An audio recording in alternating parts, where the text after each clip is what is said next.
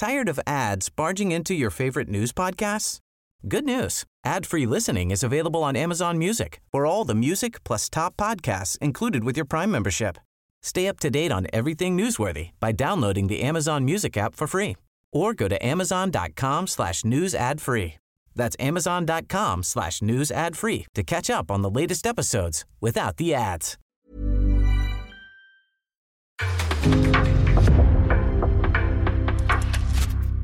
En podcast från Aftonbladet. Hej och välkomna till Kungligt. Jag heter Sara Eriksson. Och jag heter Jenny Alexandersson. Idag dyker vi ner i kungens plånbok. Hovets årsredovisning kom igår och den här gången fick vi reda på mycket mer än tidigare. För första gången berättar hovet hur stora belopp av apanaget som går till vilken familjemedlem. Vi pratar även om vilka världsstjärnor som är med på drottning Elizabeths tv-sändning. Och självklart så ska vi prata om Harry och Meghan som avslöjat detaljer om sonen Archie.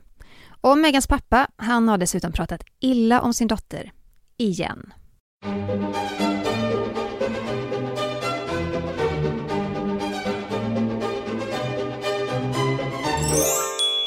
Igår så publicerade hovet eh, sin årsredovisning. De redovisar ju kungens ekonomi och kungahusets ekonomi varje år.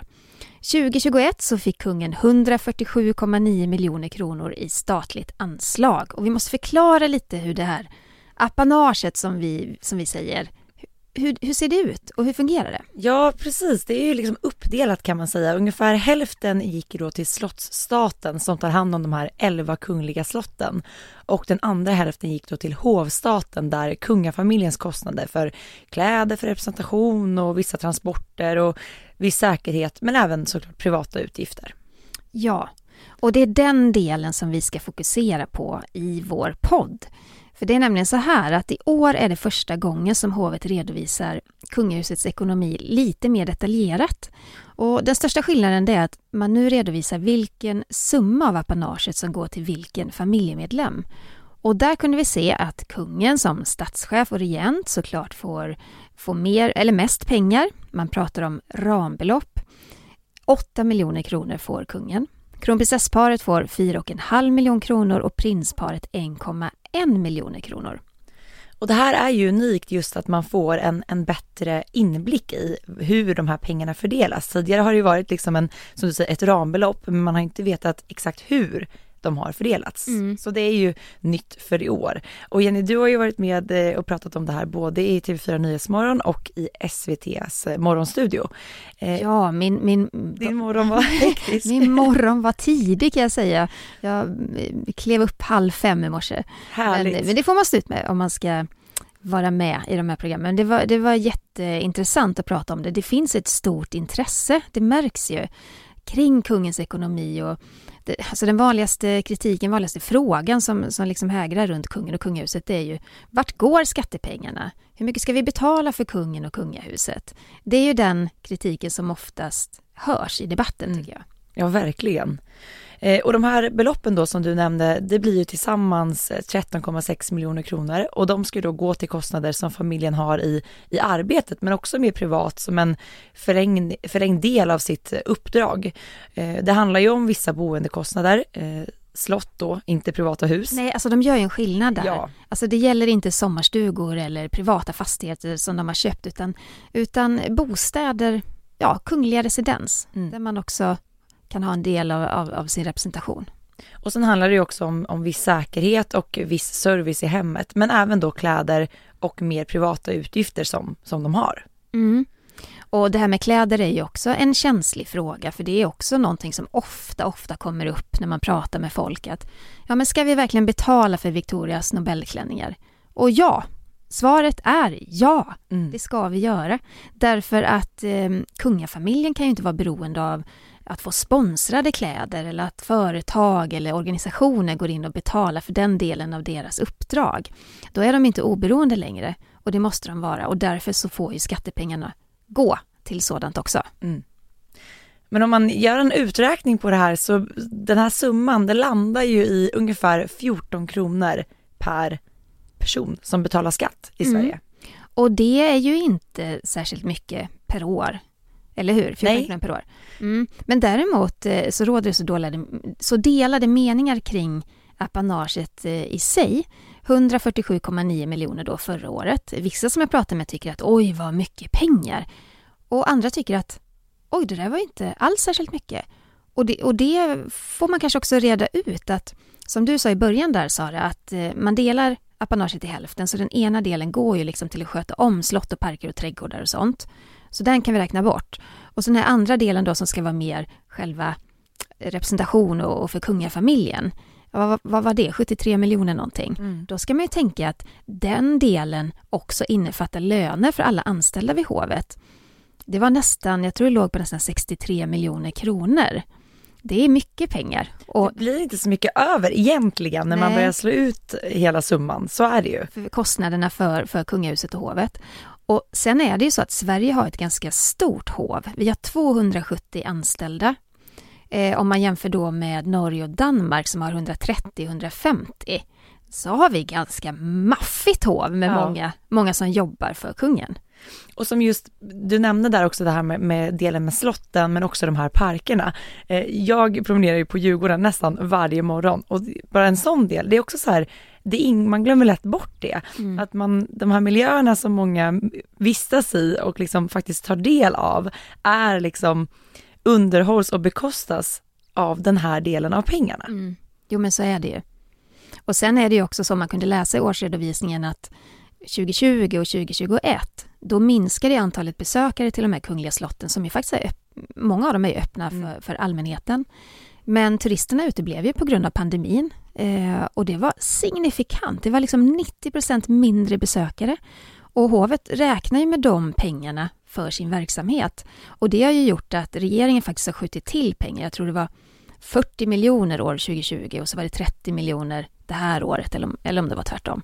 Eh, och, och, det har nog behövts för att eh, du och jag var ju uppe på, på slottet för några veckor sedan och hade eh, vi träffade bland annat Fredrik Wersäll som är riksmarskalk och han berättade ju det att just det här med att ta hand om slotten och förvalta det har ju varit jättesvårt för dem. Mm. Så hovet har ju fått ställa upp Ja men det var så härligt mycket. tycker jag att han liksom berättade hur, hur de, de liksom började dela på sina arbetsuppgifter så liksom, ja men de hjälpte varandra där det behövdes just för att de här intäkterna man hade räknat med. Ja men eh, riksmarskalken han klippte gräsmattorna på, vid slottet och, ja. och, och det var också så här informationschefen hon guidade turister på slottet. Ja, höll de här guidade turerna liksom så de fick ju ta plats där det behövdes just för att stötta upp ja. under eh, pandemin när man inte de hade inte besök, besökarna. De, de, hade ju inte heller råd att anställa sådana här säsongsarbetare. Nej. Så då fick ju då fick alla ställa upp. Men jag tycker det säger någonting om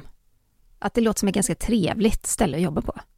Ja men det låter som en sån arbetsplats som man vill vara en del av just att det här att man ställer upp för varandra, man hjälper ja. till när det behövs, man, man tar i. Ja, låter lite som Aftonbladet. Exakt. ja, hur som helst. Eh, när då den här årsredovisningen blev offentlig Ehm, så hade vi redan pratat med anställda vid hovet, riksmarskalken och Jan Lindman som har hand om kungens ekonomi och sådär. Ehm, och vi fick ju också veta att det här var kungens eget beslut om att bli mer öppen i sin verksamhetsberättelse, att vara mer transparent kring pengarna. Och, och det har ju varit väldigt viktigt, men det finns också en bakgrund till det, eller hur Sara? Ja, alltså riksmarskalk Fredrik Wersäll pratade ju om de här nya ändringarna. Eh, han sa ju också det att kungahusets verksamhet bygger ju på allmänhetens förtroende och förtroendet liksom byggs ju med den här transparensen som de nu har eh, och också jag menar, att, att man får veta mer vad som faktiskt händer bakom kulisserna, var de här mm. pengarna går och eh, jag menar att det också går lite så här ska man leva upp till valspråket för Sverige i tiden så känns det också väldigt naturligt mm. att bli mer, gå mer den här vägen. Ja, och sen eh, är det ju så här att 2018 så initierade ju konstitutionsutskottet eh, en utredning. Man ville utreda apanaget och det var för att man såg lite med oro på en växande kunglig familj. Det är väldigt mycket barn, väldigt mycket barnbarn och det fanns också en oro för att kungen skulle börja äska mer pengar ju äldre de här barnen blev och när de då kliver in i den här offentliga rollen och att apanaget skulle växa. Ehm, så det var därför man också ville ha den här utredningen för att se liksom hur ska, alltså vem i familjen ska få ta del av apanaget och hur mycket. Också så här vad som förväntas av vem och vilka som faktiskt ska arbeta för det kungliga huset. Mm. Att tydliggöra det. För som du nämner, familjen blev ju bara större och större med ännu fler barn.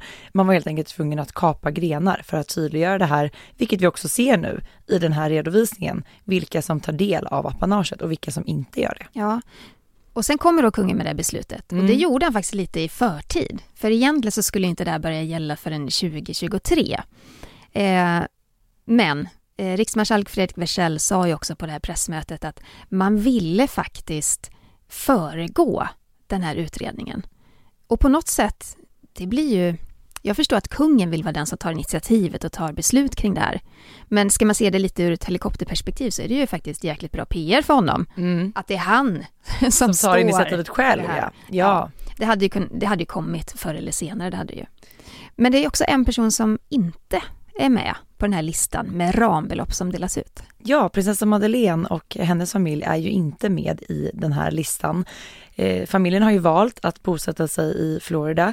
Eh, prinsessa Madeleine representerar ju och arbetar för det kungliga huset emellanåt och då får hon givetvis betalt för det.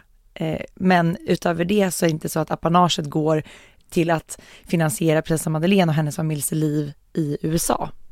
Mm, nej men så är det ju. Och det faller sig väl naturligt också när man tänker på att det hon koncentrerar sig på nu är ju Childhood Ja. och främst i USA. Och där blev det ju också i och med den här att man valde att kapa grenar, att kungen valde att ta det här beslutet redan 2019 så blev det också, det pratades ju mycket om innan i och med att prinsessfamiljen varit bosatt både i London och i USA, just det här om hennes barn då skulle fortsatt liksom vara en del av, av det kungliga huset så skulle de behövt flytta tillbaka till Sverige och barnen hade behövt eh, gå i svensk skola och så vidare.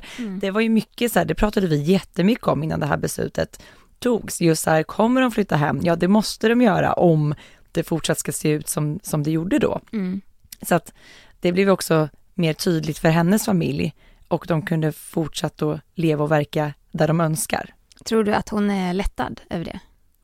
Det tror jag absolut. Alltså prinsessa Madeleine som du sa Jenny, hon har ju valt att fokusera på childhood. De har valt, familjen har valt att bosätta sig utomlands och i och med att man tydliggjorde det här så blev det också lättare för dem Mm. att leva som, som de önskar. Och kanske också skönt tänker jag för dem nu att, att det i den här redovisningen syns att de faktiskt inte får en del av apanaget. Just Mm. för att det kan jag verkligen uppleva och jag tror att du också gör det Jenny, i så här eh, kommentarsfält eller det man hör talas om att många har en bild av att prinsessfamiljen blir finansierad av svenska skattepengar när de då väljer att inte ens bo i landet. Och så är det ju inte. Nej.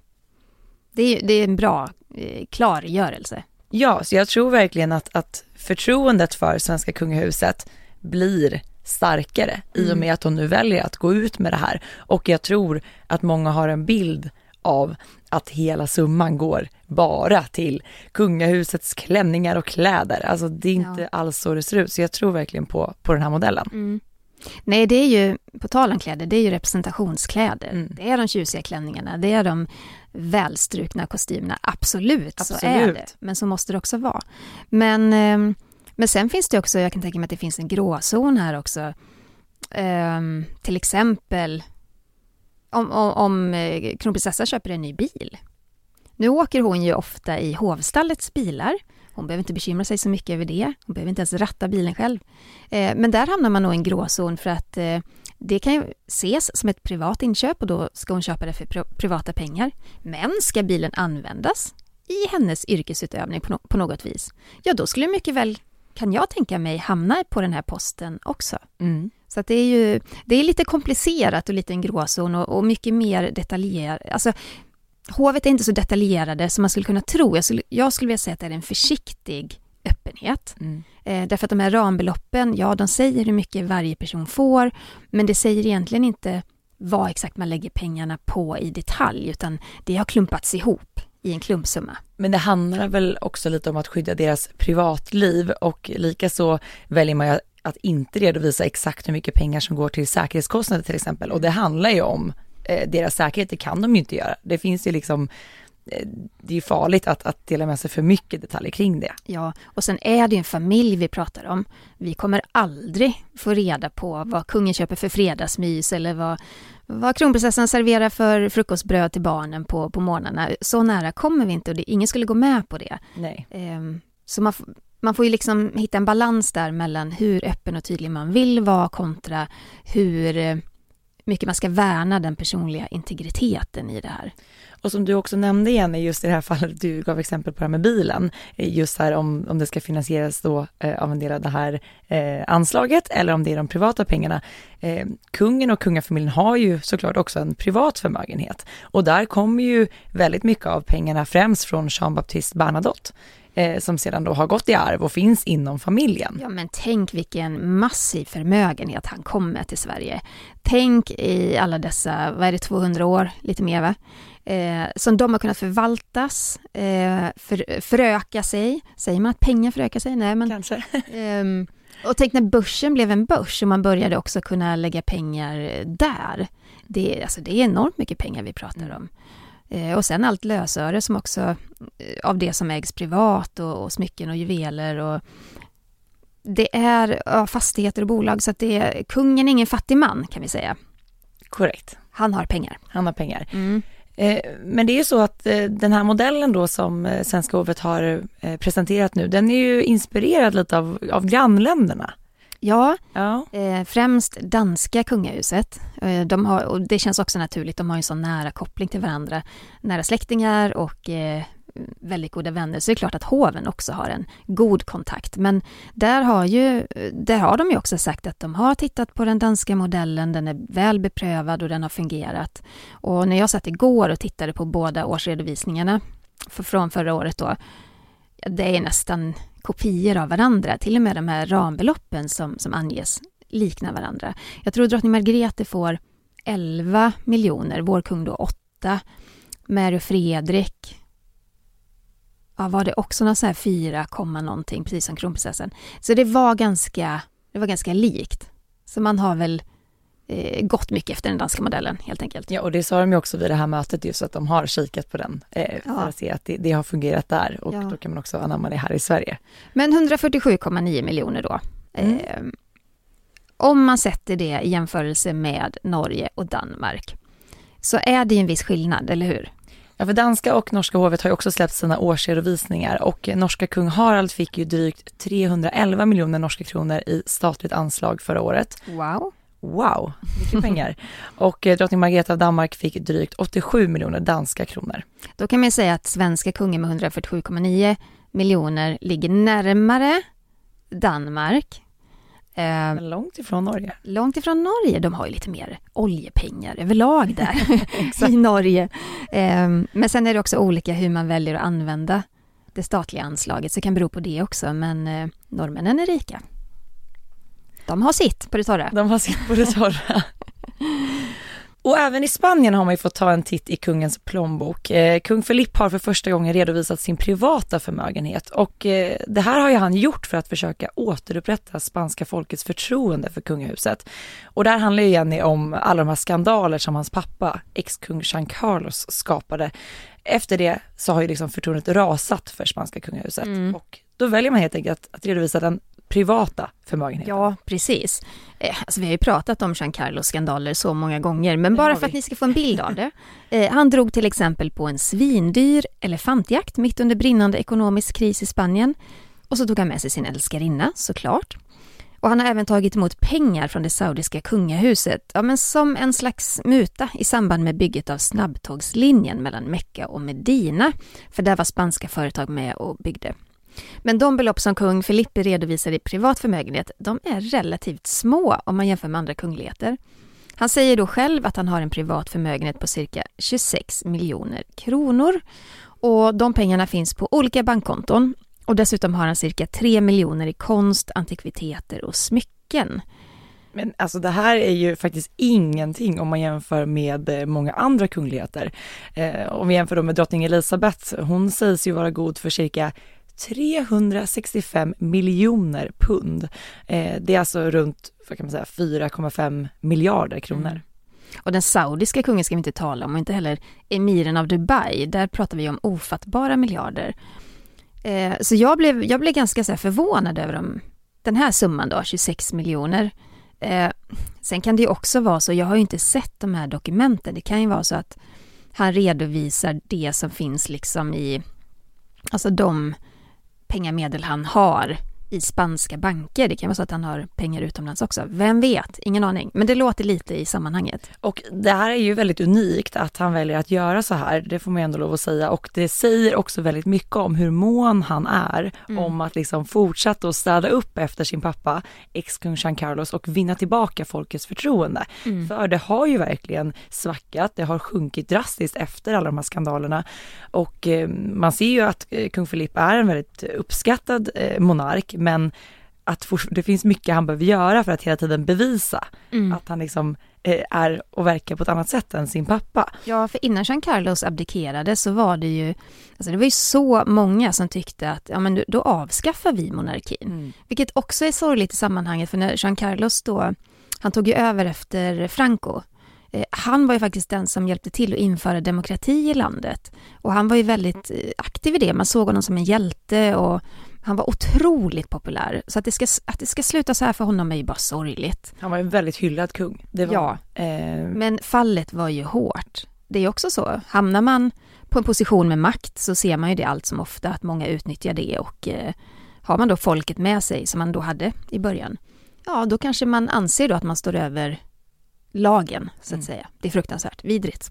Men hans son då fortsätter att eh, försöka vinna tillbaka förtroendet och har då redovisat den här privata förmögenheten. Mm. Men eh, ja, du nämnde ju drottning Elisabeth där och hennes 4,5 miljard mm. i förmögenhet. Eh, hon firar 70 år på tronen nu i sommar. Eh, och vi har ju fått, det kommer, de portionerar ju ut information om det här firandet som egentligen pågår hela året, men då med en grand finale i juni. Eh, då kommer Londons gator att koka av fest och pompa och ståt. Men faktum är att redan den 15 maj nu eh, så kommer det vara en stor tv-sändning. Och då kommer britterna få träffa skådespelarna, skådespelarna Tom Cruise och Helen Mirren och Mirren spelade faktiskt drottning Elizabeth i filmen The Queen som kom 2006. Såg du den? Jag har inte sett den Jenny. Nej, jag måste göra det också. Ja, mm. men kul att de då ska få, få mötas. Verkligen. The real Queen och ja. eh, hon som spelat henne. Så Tom Cruise och Helen Mirren, de kommer då hålla i den här tv-sändningen som eh, utgår från Windsor Castle och som sänds på ITV. Jag hade nästan lust att lägga in någonting här om att eh, du kommer ihåg det snacket vi hade om BBC som mm. var den officiella kanalen för kungafamiljen i evigheters evigheter. Men sedan de sände en mycket omtalad dokumentär så har ju kungafamiljen sumpat dem i stort sett. Så nu är det ITV som gäller. Vi såg ju också att det var ITV som sände den här, det var, det var William och Kate som höll i någon julkonsert i mm. Westminster Abbey. Då stod också ITV som värdar för den sändningen. Mm. Så att de börjar ta över allt mer av de här kungliga evenemangen. Ja. Och att det är de som liksom har ticket till att sända dem. Precis. Men eh, den här sändningen nu då i maj, Theatrical Arena Event, går den under eh, något arbetsnamn. Jag vet inte vad det kan innebära, men det handlar ju om jag gissar att det handlar om att man ska iscensätta delar av drottningens liv, för det har det knystats om lite grann mm. tidigare.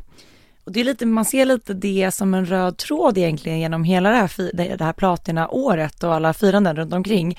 Eh, I samband med liksom eh, Trooping the Color och allting runt det och den här eh, liksom folkfesten som kommer äga rum på Londons gator första helgen i eh, juni. Eh, där ska man ju också göra något liknande.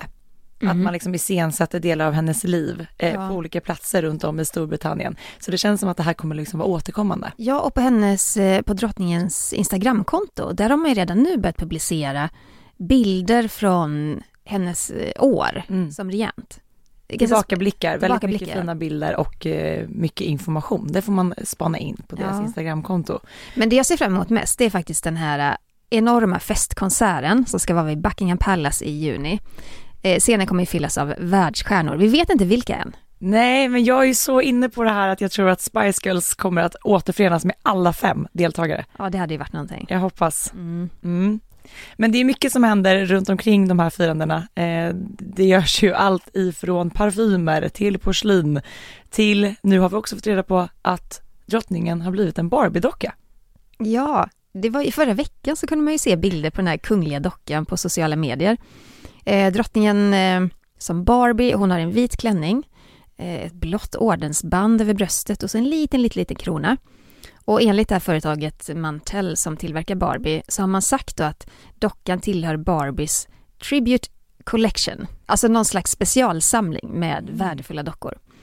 Men det här, Sara, det här måste vi prata om. Man, Ja. Företaget säger ju också då att man vill föra fram budskapet till alla barn att man kan bli precis vad man vill. Med hjälp av den här Barbie-dockan då eller? Nej men att den ska symbolisera att alla kan bli vad de vill. Alla kan bli drottning. Men alltså helt ärligt, hur ska alla föräldrar då lyckas förklara för sina barn att alla kan inte bli drottning? Det är bara ytterst få inom en familj. Det Så tog jättemånga år för mig att förstå det. När jag var liten. Men ja men okej, Mm. så det är deras budskap eh, med det här. Ja. slår lite fel kan jag säga. Slår lite fel kan jag Mm. också tycka. Men det är väldigt intressant det här med, med Barbie-dockor och eh, som sagt speciella kollektioner. Det finns ju faktiskt väldigt många som samlar på de här. Mm. Så det här är förmodligen ett riktigt sånt samlarobjekt som många vill få Det tag i. tror jag. Det Mm. tror jag verkligen. Och vi kommer få se många andra prylar också. Du nämnde innan serviser och muggar och sånt där. Jag tror att eh, just vid det här jubileet, att det är så himla stort, 70-årsjubileum, så kommer ju London, England, världen svämma över av prylar med drottningens ansikte på. En liten jubileumskopp. Mm. Det ska Mm. väl du skaffa? Alltså. Det måste jag göra. Det är givet. Mm. Vi håller oss kvar lite i Storbritannien för vi ska prata om drottning Elizabeths yngsta son, prins Edward och hans fru Sophie. De har ju fått en hel del kritik den senaste tiden. Ja, för de besökte ju likt Kate och William eh, Karibien tidigare i veckan, eh, bland annat Antigua och Barbuda. Och eh, nu har ju både Kate och William och Edward och Sophie mött en hel del eh, protester.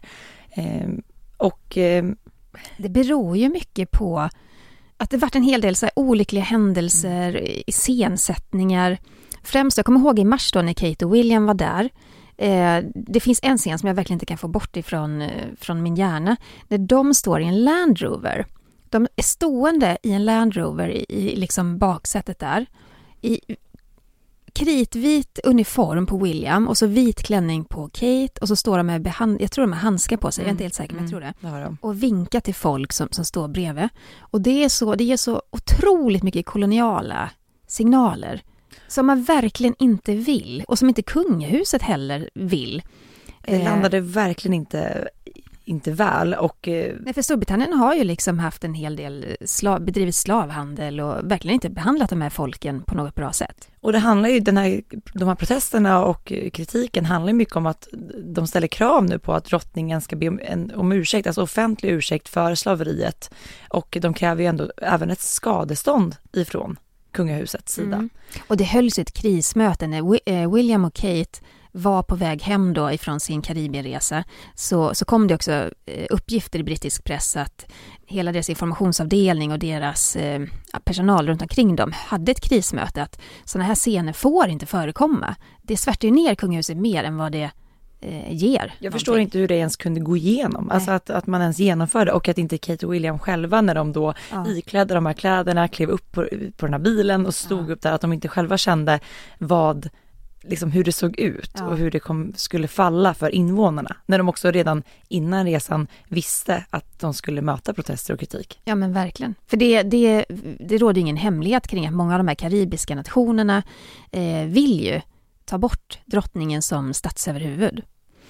Men eh, Barbados har ju redan gjort det. ja, och Jamaica pratar ju om det också. Mm, precis. Och där var ju också eh, William i sitt tal under deras besök väldigt tydlig med att de står bakom deras beslut, om det är så att de väljer att lämna. Mm. Eh, men som sagt, det finns väldigt många detaljer kring Kate och Williams resa som man kanske behövt fundera om lite och slipat lite på innan man genomförde Eller dem. hur? Mm. Och nu då när det var dags för Edward och Sophie så upprepades många av de här misstagen. Och det gjorde också att eh, det det kom ett väldigt oväntat besked i sista minuten. För bara en vecka innan paret skulle resa iväg så ställde brittiska hovet in Edward och Sophies besök på Grenada. Och det var för att det fanns en väldigt stor risk för protester som kunde ta över hela besöket. Eh, Och, och det skulle generera väldigt dålig press såklart. För det visade sig senare att Grenadas Reparations Commission on Slavery, de vill få till ett möte med paret. Och då vill, då, antagligen då, så vill ju brittiska hovet inte riskera att sätta Edward och Sophie i den sitsen. Vilket egentligen kanske var bra, alltså om, om Mm. det var så att de någonstans var medvetna om det, att man ställde in.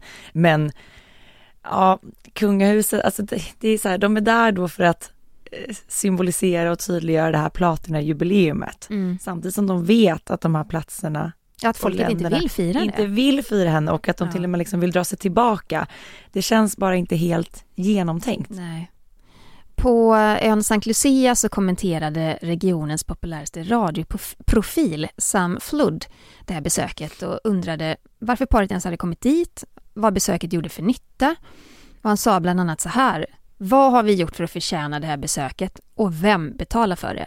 Vilka är ens dessa kungligheter? Mm. Vad har de för betydelse? Och brittiska experter skyller ju på att liksom utrikesdepartementet upprepat samma misstag som de gjorde med William och Kate, återigen då med Edward och Sophie. Eh, ja men till exempel det här som du sa med Land Rovern och ja, eh, förmodligen så pågår ju de här krissamtalen även efter Sophie och Edwards resa i och med att man egentligen ja, upprepade lite samma misstag igen. Men frågan är, ska man ens fortsätta med de här resorna? Och då tänker jag speciellt då till nationer som man vet inte är intresserade av att vara en monarki med drottning Elizabeth som överhuvud. Eh, vad hade de förväntat sig, tänker jag, hovet? Det, känns lite tondövt. Ja, men det känns lite tondövt och också har man då haft en dålig erfarenhet av ett första besök, kanske man inte ska genomföra ett andra besök på det viset. Man kan göra på andra sätt. Nej, och sen också blir det ju lite så att, att vad symboliserar det då när Edward och Sophie har de här planerade resorna och sen helt plötsligt väljer de också att ställa in Mm. ett av besöken. Alltså det blir återigen en, en ytterligare krock Ja, i det det hela. gör det. Det gör det verkligen. Som att de då har tagit beslut att vi ska åka hit för att fira och belysa det vi står bakom som ni inte vill vara en del av. Men när ni protesterar så drar vi oss tillbaka Ja. istället för att möta det. Sen finns det såklart säkerhets eh, aspekter och så vidare i det hela också. Precis. Men lite märkligt Ja. och kanske att man ska tänka om. Nu är det dags för veckans Harry och Meghan.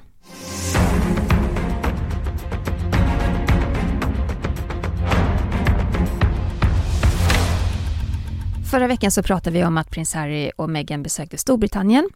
Det var innan de reste vidare till Haag i Nederländerna för att närvara vid Invictus Games.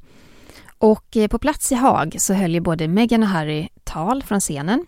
Meghan hon hyllade prins Harry för hans tjänstgöring i Afghanistan, för att han har grundat Invictus Games och för att han är en pappa då till deras två barn Archie och Lilibet. Ja, och när Harry klev upp på scenen så kysstes ju paret och det var ju en kyss som fått ofantligt mycket uppmärksamhet. Eh, Ja, vi pratade om det måste- förra veckan. Mm. Var det ett PR-trick eller? Mm. man vet aldrig. Det ska också sägas att deras Netflix-team var ju de hack i häl under hela den här tillställningen så att det kanske passade väldigt bra i dokumentären. Låt mig då säga, det var ett PR-trick. Exakt. Men när prins Harry tog plats på scenen så pratade han lite om deras son Archie och vi vet ju nästan till ingenting om, om deras barn. Vi har ju knappt sett bilder på dem, vi har sett några bilder på Archie. Eh, men han avslöjade då att Archie som nu är två år, snart tre, fyller i 6 maj. Eh, han avslöjade vad han vill jobba med eller vad han har avslöjat själv att han vill jobba med i framtiden. Och Harry berättade då att han bland annat säger att han vill bli helikopterpilot och astronaut. Mm. Mm. Under det här talet så, så skrattade Harry lite grann och så refererade han till ett barnprogram som heter Oktonauterna. Eh, och Archie ska ju då ofta ha refererat till en av de här karaktärerna i barnserien. Den här karaktären heter Kvasi och är en animerad katt. Det är ändå lite gulligt. Verkligen. Kanske är det så att eh, Harry själv har inspirerat sonen till att drömma om pilotyrket, för han själv var ju helikopterpilot under militärtjänsten i Afghanistan. Jo, men så är det ju säkert. Jag hoppas vi får se fler bilder av Archie och eh, Lilibet. Känns som att paret vill hålla dem väldigt privata. Ja, ja men Eh. verkligen. Sara, vi ska ta en kort liten paus och sen är vi strax tillbaka. Millions of people have lost weight with personalized plans from Noom, like Evan, who can't stand salads and still lost 50 pounds. Salads, generally, for most people, are the easy button, right? For me, that wasn't an option. I never really was a salad guy. That's just not who I am. But Noom worked for me. Get your personalized plan today at Noom.com. Real Noom user compensated to provide their story. In four weeks, the typical Noom user can expect to lose one to two pounds per week. Individual results may vary. Ja, nu när vi ändå pratar om Harry och Meghan så kan vi inte låta bli att nämna Megans pappa Thomas Markle. Nej, han har varit ute och vevat i sin YouTube-kanal igen. Som vi nämnt tidigare så har han den tillsammans med sin vän Carl Larsen. Eh, Remarkable Friendship heter deras YouTube-kanal. Eh, de sitter ju fortfarande i sin studio eh, och mellan dem när de sitter och pratar så har de ett foto med drottning Elizabeth. Eh, och eh, de har också nu inför det här Eh, senaste avsnittet presenterat ett nytt intro till den här kanalen där bland annat bilder från Harry och Meghans bröllop fladdrar förbi samt, Jenny lyssna på det här, paparazzi-foton av Thomas Markle själv. Och vi vet ju att han liksom dealade till sig så att de här paparazzi-fotona skulle tas.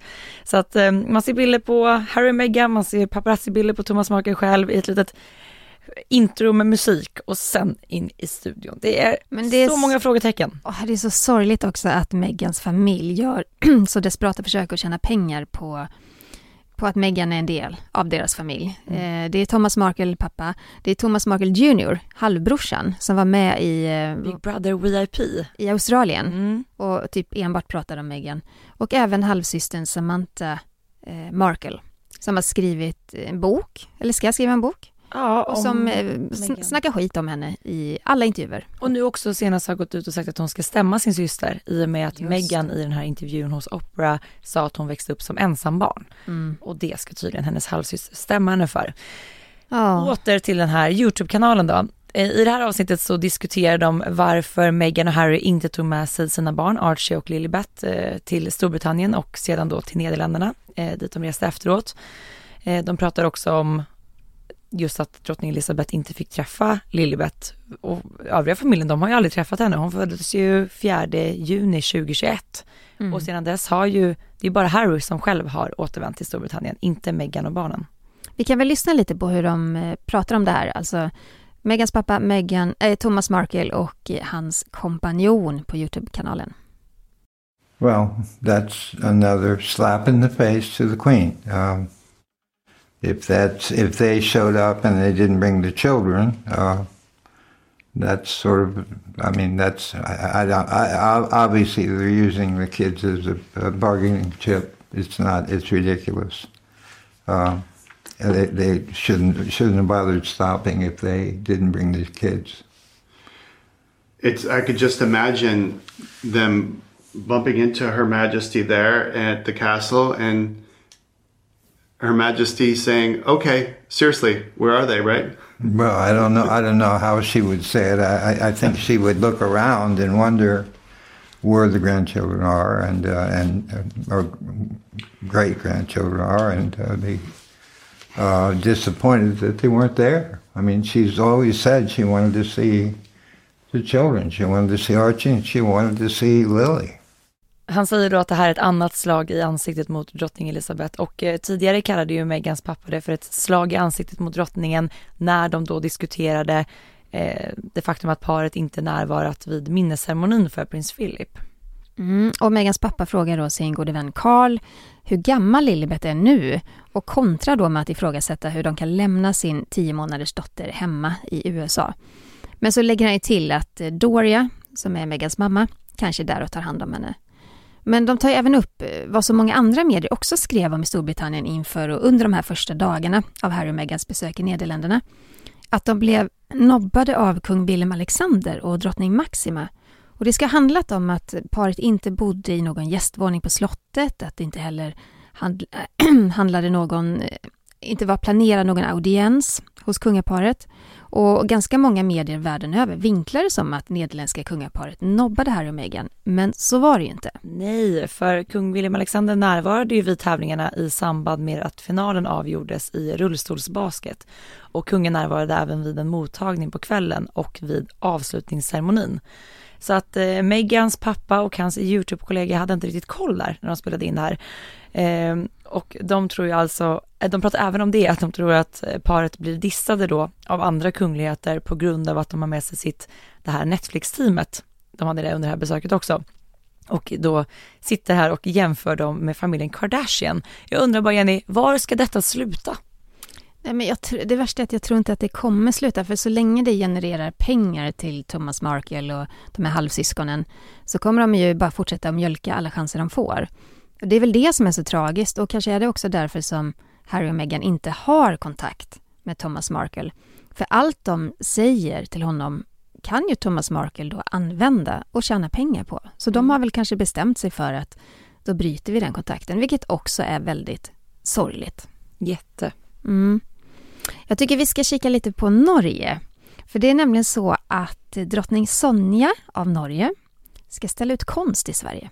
Ja, tidigare i veckan så meddelade Lars Lerin att norska drottningen är sommarens gästutställare på Sandgrund, alltså Lars Lerins konsthall. Och alla, hoppas ni alla känner till Lars Lerin. Han är ju ändå väldigt känd konstnär. Men om ni inte gör det, googla honom. Han är en känd konstnär och verkar vara en fantastisk person, tycker mm. jag. Eh, drottning Sonja har ju studerat konst när hon var yngre, eh, men sen om jag förstått det rätt så fick hon lägga intresset lite på hyllan eh, under en period.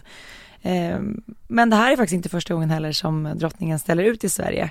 Ehm, hon gjorde det senast i Sverige då 2011 i Helsingborg och eh, drottningen målar mycket akvarell men skapar även fat, krukor och väggsmyckningar. Mm. Det vill man ju se. Ja, och hon själv samlar också mycket på konst och eh, ska då ha flera av Lars Lerins verk på slottsväggarna hemma. Eh, och hon har, de har dessutom ställt ut tillsammans en gång tidigare på Galleri Lofoten i Norge. Så att de har setts tidigare och arbetat tillsammans, men det är ju kul att vi ser norska drottningen ställa ut i Sverige. Ja, det är jättespännande. Men var, du hade läst massa kommentarer kring det här inlägget, eller hur? Ja, de publicerade det här då på Instagram och eh, när det postades där så var det många som tyckte att det var väldigt fascinerande att drottningen Sonja, drottning Sonja då skulle ställa ut och dessutom sälja sina verk och det var även flera som undrade om inte drottning Margrethe av Danmark kunde få gästutställa sommaren därpå. Eh, både danska och norska drottningarna är ju otroligt duktiga konstnärer. Mm. Jag undrar hur de har tid med, med det där. Ja, men det, vi har ju pratat mycket om just drottning Margrethe där att hon har ju verkligen alltid haft två karriärer i mm. en. Alltså hon har ju faktiskt aldrig lagt liksom den här konstnärliga sidan och intresset på hyllan utan det är ju någonting hon sysslar väldigt mycket med. Ja, för hon skapar ju också teaterkostymer och eh, hon målar och hon, eh, ja, men det, det, är mycket hon gör som är konstnärligt och samtidigt så har hon då den här andra karriären som regent och statschef mm. av Danmark. Men drottning Sonja då kommer att ställa ut sig, det är ungefär ett 30-tal verk, kommer att ställas ut mellan den 23 juni och 21 augusti i sommar. Och alla de här verken kommer att vara till salu då till förmån för drottningens konststiftelse. Mm. Det blir spännande. Det en kunglig tavla, bokstavligt ja, talat. Ja, men precis. Ja. Vi kikar lite på kronprinsessan och prins Daniel för att tidigare i veckan så besökte de ett aktivitetscenter i Nordiska museets lokaler på Djurgården i Stockholm. Och det här var för barn då som flytt från kriget i Ukraina. Det är den ideella organisationen Beredskapslyftet som tagit initiativ till det här centret tillsammans då med Nordiska museet. Och det som är så himla fint med det här tycker jag, det är att nyanlända ukrainska lärare och handledare de har liksom fått i uppgift att försöka underlätta för barnen så att de ska få en fortsatt skolgång och man ska då följa den ukrainska läroplanen för att när kriget kom så avbröts ju allt sånt där. Det var ju mm. inga skolor som var öppna, såklart. Det var ju en akut situation. Men man vill då liksom erbjuda barnen olika aktiviteter, en trygg miljö och, och svensk undervisning. För det kommer ju vara jätteviktigt för de här barnen när de börjar i svensk skola. Och i samband med det här besöket så satt kronprinsessparet ner och pratade med barnen och kungahuset publicerade en väldigt fin video. Jag tycker man blev väldigt tagen av den eh, på sitt Instagramkonto just när Victoria och Daniel pratar med de här barnen. Och, eh, de sitter vid ett bord. Vid ett bord och de pratar engelska med barnen men flera av barnen visar på liksom att de redan har lärt sig några svenska fraser och ord och att både kronprinsessan och, och och Daniel blir väldigt tagna av det här och, och berömmer barnen och man ser hur kronprinsessan lägger sin hand då på den här handledaren som sitter mm. bredvid dem. Och, nej, ni måste kolla på den videon. Den var väldigt fin. Ja, och det finns ju ett väldigt bra syfte med att eh, kronprinsessan, men även hela kungafamiljen, är så engagerade i den här flyktingfrågan. De eh, var ju det även 2015 när den första flyktingvågen kom eh, under kriget i Syrien. Och just det här fokuset på på immigration och integration. Det har de ju hållit i sedan dess. Mm. Och de vill ju visa ja, men vad Sverige står för. Mm. Och de vill ju vara förebilder i det där. Jag tycker att de gör det på ett sånt himla fint sätt. Och det är ju, det varvas ju också sådana här besök som är verkligen så här hands-on med människor som kommer hit som har varit i kris och i krig. Och också besök hos eh, myndigheter och organisationer som, som möter de här människorna. Och kungen, han har ju faktiskt lånat ut Storkyrkan till ukrainska församlingar. För det, jag, om jag fattat det rätt så finns det inte alltså etablerade ukrainska församlingar med egna kyrkorum. Nej, jag har också förstått det så. Ja. Eh, Men där har då kungen valt att, att eh, låta kyrkan användas. Ja, att de får ha sina gudstjänster Ja, där precis. i Storkyrkan. Det är ju fantastiskt. Och det har kungahuset också delat bilder ifrån. Eh, jag såg också att prinsessan Sofia var där eh, i samband med en gudstjänst och Mm. talade. mm. Men det är väldigt viktigt och som sagt, vi, kungahuset ska ju visa liksom vad Sverige är och vad Sverige gör och föregå med gott exempel. Och det tycker jag verkligen de gör i, de här, i den här situationen och även tidigare. Eh, sträcker ut sina händer, eh, engagerar sig och visar närvaro. Och visa närvaro, det gjorde också Carl Philip och Sofia på QX Gaygala. Ja, För i måndag så var det, ja, vi har verkligen haft två år av pandemi och inställda galor.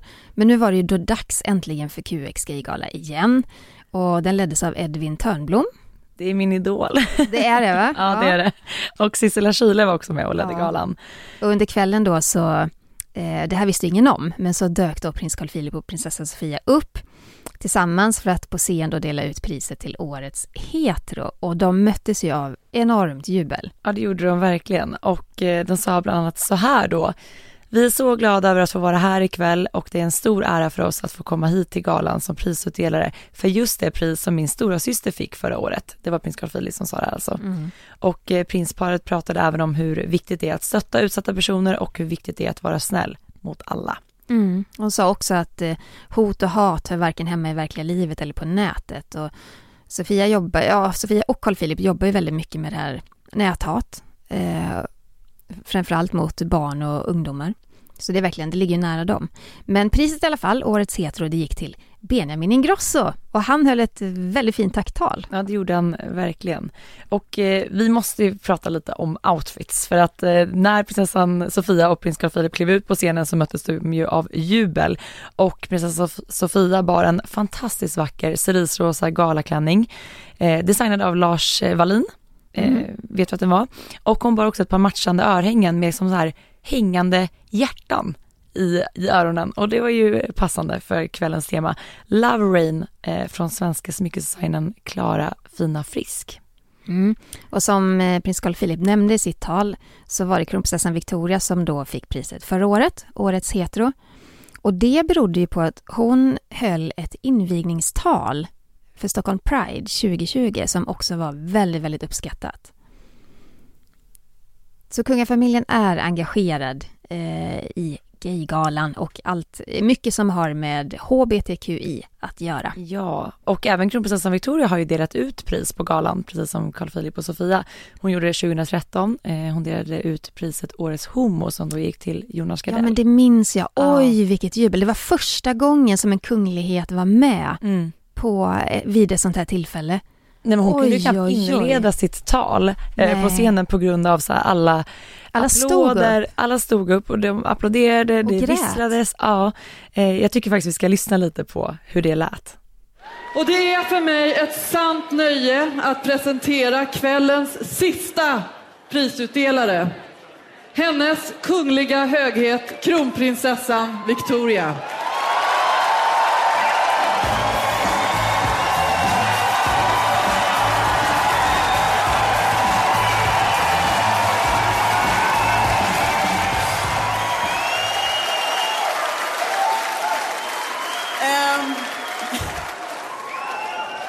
Wow. Nu, eh, nu är det ju så här att jag ska ju bara dela ut ett pris. Eh, Men jag blir givetvis väldigt, väldigt glad och eh, också väldigt rörd. Tack så mycket. Det är ju så mäktigt att höra det här. Jag kommer ihåg det, jag såg, jag såg det här på tv och man blir så berörd. Mm. Och, och, efter det som du nämnde, det var ju första gången som en, en kunglighet närvarade eh, och delade ut eh, ett, ett, sånt här pris.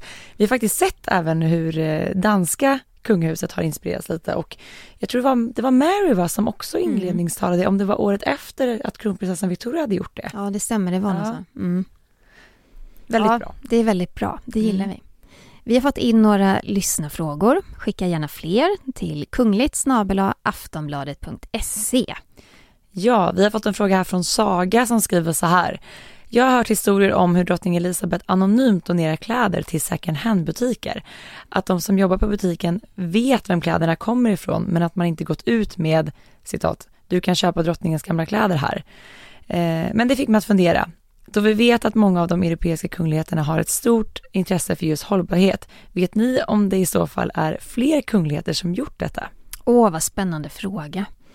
Eh, det här är egentligen ganska svårt att svara på därför att om det skulle vara så att kungliga plagg från de kungliga garderoberna på Drottningholms slott eller Haga slott hamnar i en second hand-butik så skulle ägaren till den butiken aldrig avslöja det. Nej. Därför att eh, det blir också väldigt känsligt. Då kommer kungafamiljen aldrig mer lämna plagg till sådana butiker. Men jag tänker där, eh, kronprinsessan eh, har ju ett stort engagemang för Stockholms Stadsmission. Där, som bland kanske. annat då eh, tar emot eh, kläder ja. Eh, i sin verksamhet. Och vi har också sett bilder på hur kronprinsessan är där och hjälper till emellanåt. Mm. Att eh, packa om kläderna och se till att de hamnar på rätt ställen. Kanske det, är det där då i sådana fall. Där. Men det är ingenting som, ingenting som sker öppet eller officiellt på något vis. vi vet ju också att alltså de här klädkamrarna på, på, på slotten, både de privata och, de, och där de officiella representationskläderna hänger, de är enorma. Mm. Det finns väldigt mycket kläder där. Eh, men man sparar, man slänger ingenting. Eh, därför att det är också, det finns så mycket historia i de här plaggen. Och de, vill, de ska bevaras för, för eftervärlden. Men sen vardagsplagg och sånt, det, det är en annan sak såklart. Men det är just det här sättet att bevara kläderna som har gjort att vi till exempel har sett kronprinsessan dyka upp i sin mammas 30 eh, och 40 år gamla klänning. Just mm. för att de är ju så det är inte som hemma hos en själv där man liksom knövlar ner någonting i en byrålåda utan det hänger ju korrekt och riktigt och liksom tas väl om hand om. Ja men verkligen. Mm. Och det här är väl också när vi pratar om kungens årsredovisning och transparens och sånt innan. Det här har ju också att göra med eh, kostnadsmedvetenhet. Att återanvända plagg har ju också med sparsamhet att göra. Det blir ju också en signal utåt, tänker jag, att eh, se att vi ändå liksom tar hand om de här skattepengarna som ni ger oss. Mm. Och samtidigt så är det också en symbolisk handling att bära vissa plagg. När kronprinsessan till exempel är på en miljökonferens, ja, nog 17 har hon någonting från sin mammas garderob eller någonting som hon har burit tidigare. Just för att visa det här med hållbarhet och hur viktigt det är. Sen har hon ju också lite roliga teman när hon mm. ofta är på såna här havs och sjökonferenser. Då ser man ju det här kanske det marina, så här, det marina mm. eller vågmönstrade.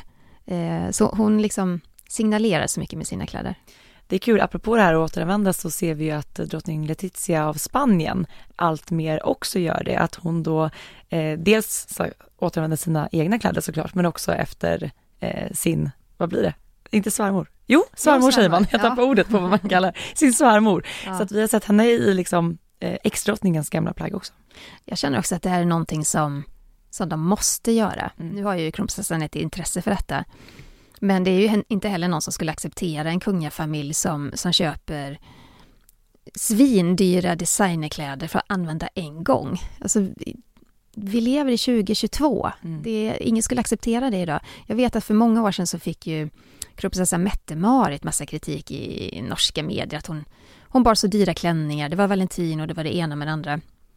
Men jag menar, även där ser man ju att, att hon återanvänder och de, de i kungafamiljen återanvänder. Så att det är nog någonting som ändå måste genomsyra de kungliga familjerna nu i den tid vi lever i nu. Jag tror inte det var första och sista gången som vi såg kronprinsessan i en återanvänd Nobelklänning. Nej, verkligen inte. Nej. Skicka gärna in fler lyssnarfrågor till oss. Eh, mm. Kungligt aftonbladet.se. Här kommer en fråga ifrån Julia. Det är en lång fråga, jag försöker korta ner lite grann, men mm. den, den, är intressant. Hon skriver så här. Jag vet inte om ni är så aktiva på TikTok, men det är i alla fall där jag har sett något som har fångat mitt intresse. Jag får ofta upp videor av kungen av Spanien tillsammans med sina två döttrar Leonor och Sofia i olika sammanhang. De här videorna visar på olika sätt hur Leonor blir favoriserad av sin pappa genom till exempel kramar, pussar och uppmärksamhet medan Sofia ofta står på sidan ensam och nästan bortglömd. Det kan ju självklart bero på hur man tolkar de här eh, videofilmerna och vissa är ju upplagda bara för att visa på hur mycket sämre behandlad Sofia blir. Eftersom det finns så många videos så börjar jag ändå se ett återkommande mönster hur olika bemötta de faktiskt blir. Folk i kommentarerna påpekar det också. Är, det detta no är detta något som ni har uppmärksammat? Är det någon tradition i att tronföljaren ska bli bättre behandlad än sitt syskon? Stämmer det här? Eller är det bara vinklat?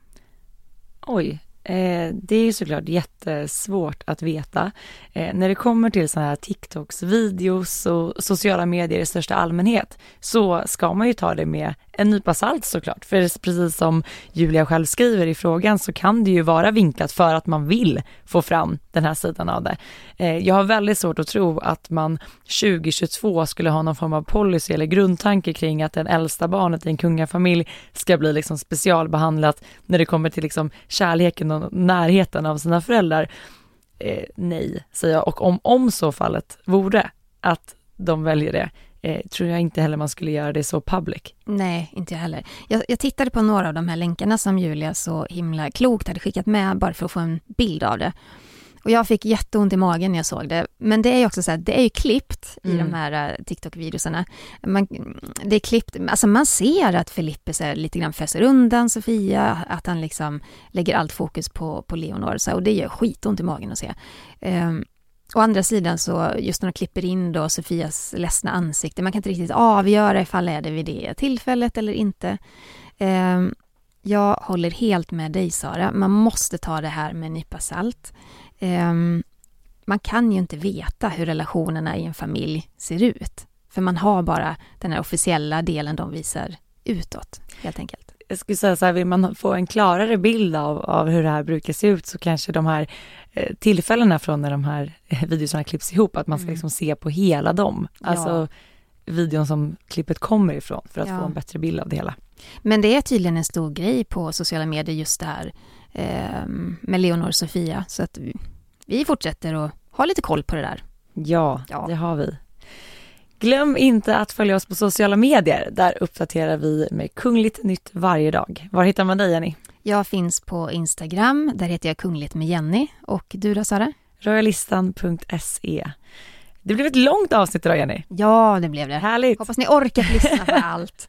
Men eh, vi, vi hörs ju igen nästa vecka. Det gör vi. Ha det så bra, njut av helgen. Hej då! Hej då!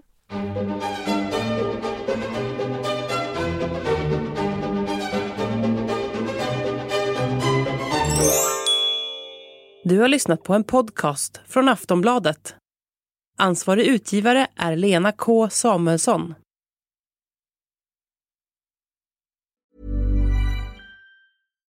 Subtle results, still you, but with fewer lines. Botox Cosmetic, out of botulinum toxin A, is a prescription medicine used to temporarily make moderate to severe frown lines, crow's feet, and forehead lines look better in adults. Effects of Botox Cosmetic may spread hours to weeks after injection, causing serious symptoms. Alert your doctor right away as difficulty swallowing, speaking, breathing, eye problems, or muscle weakness may be a sign of a life threatening condition. Patients with these conditions before injection are at highest risk. Don't receive Botox Cosmetic if you have a skin infection. Side effects may include allergic reactions, injection site pain, headache, eyebrow and eyelid drooping, and eyelid swelling. Allergic reactions can include rash, welts, asthma symptoms, and dizziness. Tell your doctor about medical history, muscle or nerve conditions including ALS or Lou Gehrig's disease, myasthenia gravis, or Lambert-Eaton syndrome and medications, including botulinum toxins, as these may increase the risk of serious side effects. For full safety information, visit BotoxCosmetic.com or call 877-351-0300. See for yourself at BotoxCosmetic.com.